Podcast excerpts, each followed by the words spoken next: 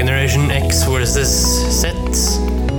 Sandberg Productions presenterer Den ekte samtalen om og med generasjon X og Z. Hold deg fast og nyt. I dag tar vi opp temaet Hei, hei, kjære lytter, og hjertelig velkommen til luke 15. Er Generation X versus Z sin julekalender. Og dagens tema er er um, ja um, en veldig spesifikk forskjell mellom uh, norsk og svensk jul, nemlig uh, Du er latterbillig da, Henrik.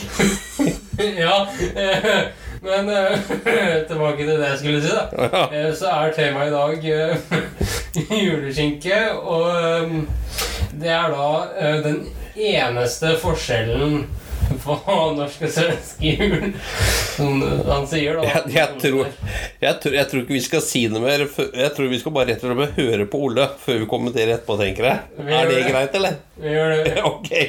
Da kjører vi klippet. Ok. Ja, ok. Gjelder det hele Sverige, eller Ole? Ja, det kan man nog säga. Den Mm. har slagit igenom hela Sverige. Och en jul utan julskinka tycker nog många det inte är någon jul. Vi får väl se i år nu då vad som händer utifrån klimatfrågan. Det kan hända att... Eh, men vegetarisk julskinka låter inte så gott. Det høres litt merkelig ut. Ja, det gjør det. Men det kommer nog många alternativa rätter nu tror jag. Ja, jul... Ja, just det. Men, men det beror på... Nu funderar jag på liksom vad som är bara tradition här i, i den här familjen som jag har gift meg inn i og hva som egentligen er jul. Ja, ja, kjære Henrik. Det var, det var juleskinka. Jeg, har du noen kommentarer? Nei, altså Det han sier, at han drar jo dette klimaspørsmålet inn i det. ikke sant? Han sier jo også at det Ja. Uh, har begynt å komme en eh, del alternative retter. ja.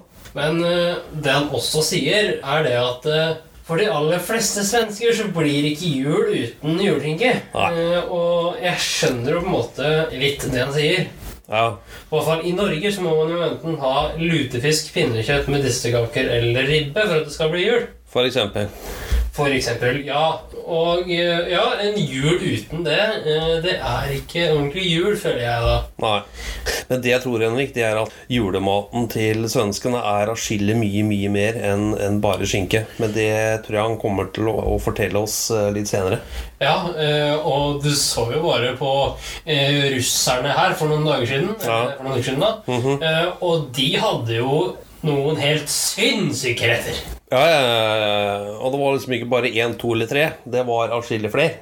Men det jeg syns var rart, var det at eh, salt og pepper kunne telles som retter.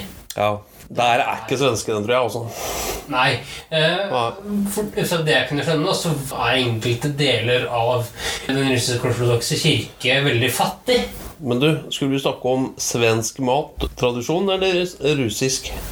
Svensk, selvfølgelig. Jeg, bare, jeg må beklage for å komme litt ut av sporet her, men ja eh, det Ja.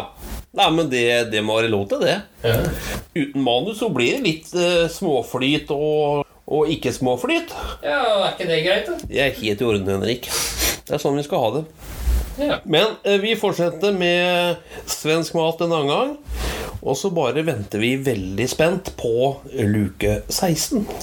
Vi venter i spenning. Yes. Ha det godt da, Henrik. Hei da. Hei då.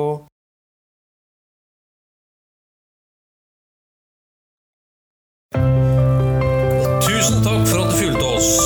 Gi gjerne tilbakemelding, likes eller kommentar på Facebook-siden vår Generation X versus Z.